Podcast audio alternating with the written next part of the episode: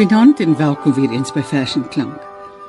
Op 26 Februarie 1915, dit is dus vanaand, 98 jaar gelede, is Elisabeth Françoise Eybers gebore. Sy was van die begin af 'n formidable mens geweest haar eerste gedigte geskryf op die ouderdom van 14 op die ouderdom van 17 het sy die grondverskuivende Maria geskryf en ja sy het die vrou in al haar situasies haar pyn ekstase verlatenheid moederskap beskryf en die vrou so uitgebeeld dat dit nooit die leser in 'n verleentheid gebring het nie of die leser laat wegskeut nie. Sy was die eerste Afrikaanse vroulike digter wat 'n bundel met Afrikaanse poësie laat verskyn het. Dit was in 1936 in die Maria was daarin opgeneem. En sy was ook die eerste vrou wat die Hertzogprys verower het. Myns insiens is haar grootste bydrae egter die feit dat sy die die vrou na vore gebring het in daardie tyd sonder om skuw te wees oor aspekte van die vrou wat vir die vrou belangrik is. Die Maria het sy geskryf voordat sy enigsins self swanger was of 'n kind gehad het. Met ander woorde moederskap was teoreties aan haar bekend as 'n mens dit so sou kon stel. En desnieteenstaande het sy hierdie formidable gedig gemaak. Onthou, as tiener. 'n Engel het dit self gebring. Die vreugdeboodskap. En jy het 'n lofsang tot God se eer gesing. Maria, nooi uit Nasaret. Maar die Josef van jou wou skei en bure agterdog jou pla. Het jy kon dink eenmal sou hy die hele wêreld skande dra? Toe jy soms met 'n glimlag langs jou liggaam stryk, die stilte instaar Wis jy met hoeveel liefde en angs sou hy sy hele vaart aanvaar? Die nag daar in die stal, geen een om in jou nood by jou te staan. Het jy geweet dat hy alleen Getsemane sou binne gaan? Toe forste uit die ooste kom om nederige hulde te betoon, wis jy hoe die soldate hom tot koning van die volk sou kroon? En toe hy in jou arms lê, sy mondjie teen jou volle bors. Het jy geweet dat hy sou sê toe dit te laat was? Ek het dors. Toe dit verby was en jy met sy vriend Johannes huis toe gaan. Maria, vrou van smarte, het jy toe die boodskap goed verstaan?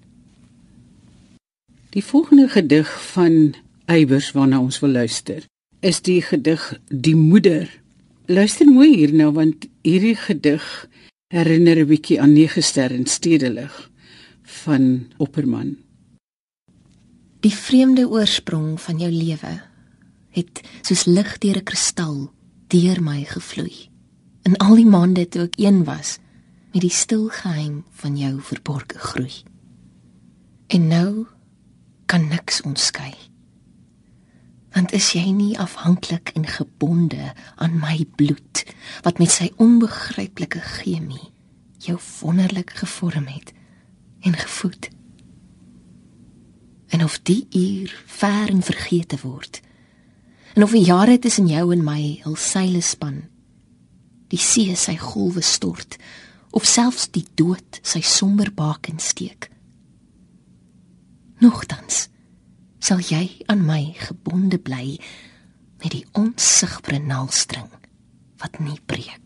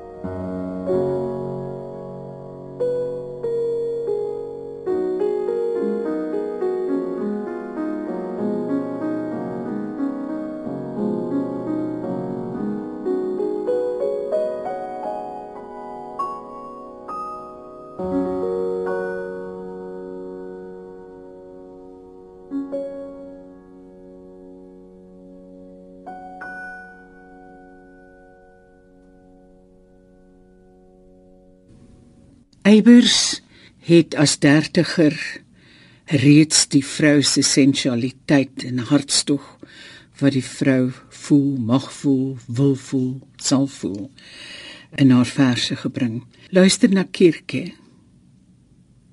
Luister jy nog? My stem is sag. My liggaam is so diep en teer. Vergun my om nog hierdie nag die weemoed uit jou oë te weer vertoef nog tot die daarraad dat jy vry mag wees om hiervandaan 'n man se verre wee wat ek net maar vaag vermoed te gaan. Die onversteerbare die sterke dit moet jy bly. Ook wanneer ek tussen my boeye en my vlerke smartlik gespanne en gestrek jou wil belet omdat ek nog nie weet hoe ek jou kan ontbeer wanneer jy vir jou nuwe toeg die boeg spreek teen die branders keer. Kom ons luister nou na Eybers se vers verhaal. Luister na die geweldige eensaamheid van 'n vrou wat verlaat is in haar liefde. 'n Vrou het stil geword van baie wag. Die aarde het gegly deur die spiraal van dag na nag was beurtlings groen en vaal. En sy het soms gehuil en soms gelag. Ook was sy dikwels wakker in die nag. Maar sy het in haar woning en op straat gewoon gehandel en gewoon gepraat en niemand het geweet hoe dat sy wag. Verlange word aanvaarding langsaamaan want wag is beurtlings hoop en wanhoop tot die twee versmelt en stilte alleen bestaan. En deur die jare het sy self die slot van die verhaal geword. Haar stilte en krag was skoner as die ding waarop sy wag. So het sy gewag die vrou maar daar het uitkoms gekom Kom ons luister na klein belade. Toe het hy stil uit die nag verskyn, geraam in die donker deurkusyn. Met hande wat skie en aarzelend was, het hy langsam haar voorhoof en slape betas. Die sagte woord wat hy oor en oor gefluister het, het sy skaars gehoor. En van daardie uur kon nie een van die twee vroeër of later rekenskap gee. Soos een wat 'n kind teen donker en kou beveilig, het sy hom vasgehou en al die rustige dinge gesê waarmee mense kind in die wieg neerlê. Maar hy het 'n diepe sug geslaak en sy liggaam van hare losgemaak. Met 'n enkele groet het hy daarvandaan, soos hy gekom het, weggegaan. En sy het geweet dat hy eendag weer stil uit die vreemde terug sou keer. Terug na die kiem van lewe en dood wat hy gesaai het in haar skoot. Terug na die boom van kennis en smart wat hy geplant het in haar hart.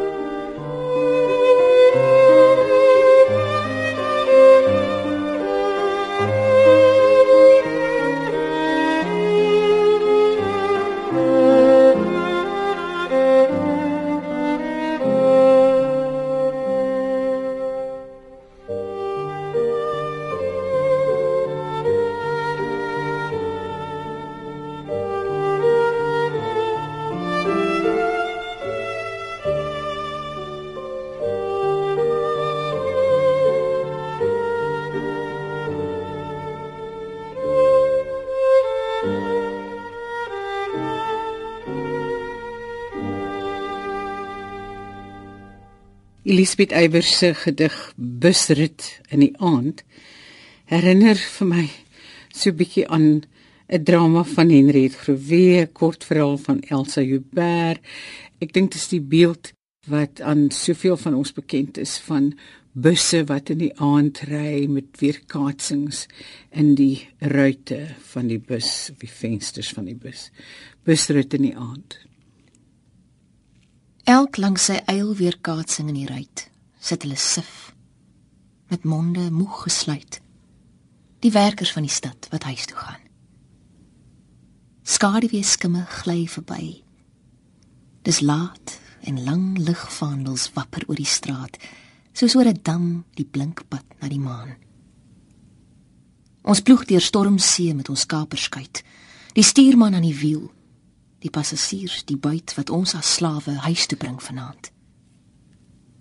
Die vaartuig waggel afdraand om die draai met skril geknars en skommelende swaai en hyg en skok en snork en swoeg opdraand terwyl ons soos twee kinders opgetoe mekaar toelag met glinsterende oë asof hulle jammerlik 'n lot kan raai sit hulle sif met monde moeg gesluit. Elk langs sy eil weer kaatsing in die ruit. Die werkers van die stad wat huis toe gaan. Elisabeth Eybers het ook 'n ligte faset van haar digterskap gebruik, dikwels gebruik en met groot vreugde gebruik. Kom ons luister na een van haar ligste verse. Wespark. Geagte leser, Die geleentheid bied hom slegs een keer in 'n leeftyd. Geen waglys en geen woningnood al is die aanvraag nog so groot. U van en volle doopnaam pryk op die versierde gevel. Kyk, met spreek en kompliment kompleet. Die hele wêreld moet dit weet. Hier is geen stoomfluit en geen haas. Onder die koelteboom lê Klaas soos wafferskofbaas uitgestrek, kan selfs die afslaer asem skep.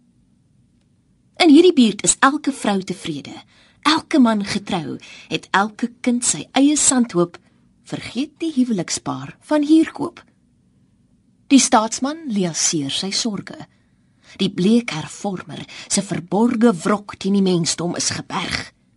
Die dweepsieke word ongeërg. Die vrou aan wie die jare knaag, het daar weer kaatsing weggevaag. Die skaars ontloke skoonheid het betyds ontglip uit tyd se net. Die koopman, sat van raap en skraap, kan salig elke dag verslaap. Die skraal student hoef nou nie meer sy jongste proef te formuleer. As kliere opdroog, weefsel rek, die kroonslagare nou strop trek, kan u gerus oorweging skenk aan hierdie goedbedoelde wenk. Die eensames voel nooit alleen in die wit broederskap van been. Hier kan die digter sonder skroom hom blywend toespin in sy droom. Geen jaarlikse belastingheffing op hierdie langtermyn belegging. Geagte leser, die geleentheid bied hom slegs een keer in 'n lewenstyd. Dit is dan nou die begrafplaas. En daarvandaan af gaan ons na uh, spinnekop storie, stelsel. Sy het haar gebalde buik die afgrond toe vertrou. En kan nie terugkatrol, maar moet al sneller sak, al radeloser tol tot waar die besemstruik in oker skuim oopvou. Met lig wat sy ontlas, ryg sy die blare vas en koppel tak aan tak. Sy span vanaf die spul 10 speke in 'n straal en trek haar dun patroon die silwer dekagoon in spreiende spiraal tot alles snaarstyf trill. Sy stryk die laaste knoop en krimp bedees op sy geledig deur die vleit. kyk op haar rug die kruis van barmhartigheid wat elke maar as die raamwerk rol, sal sy elektries gly. 'n aarselose, oop, agtvingerige vuis. En ons gaan afsluit met een van Eywer se gedigte wat menige huisvrou, digter, skrywer, moeder beter gaan laat voel. Digteres as huisvrou. Altyd 'n besem iewers teen 'n muur. Maaltye nooit op die gepaste uur agendalose dae waardeur sy leeg, hardnekkig en skaars doelbewus beweeg. Stryk goed wat moedeloos oor 'n stoelrug hang. Gebare sonder afloop en aanvang. Ou briewe onbeantwoord, die mekaar, papiere en pille in een laai opgegaar. Dankbaar om haar in jou groot hart te strek en tog verknog aan haar klein skulp omtrek. O ordenende teevoeter, wees gewaarsku. Stuur haar liewer na haar lees.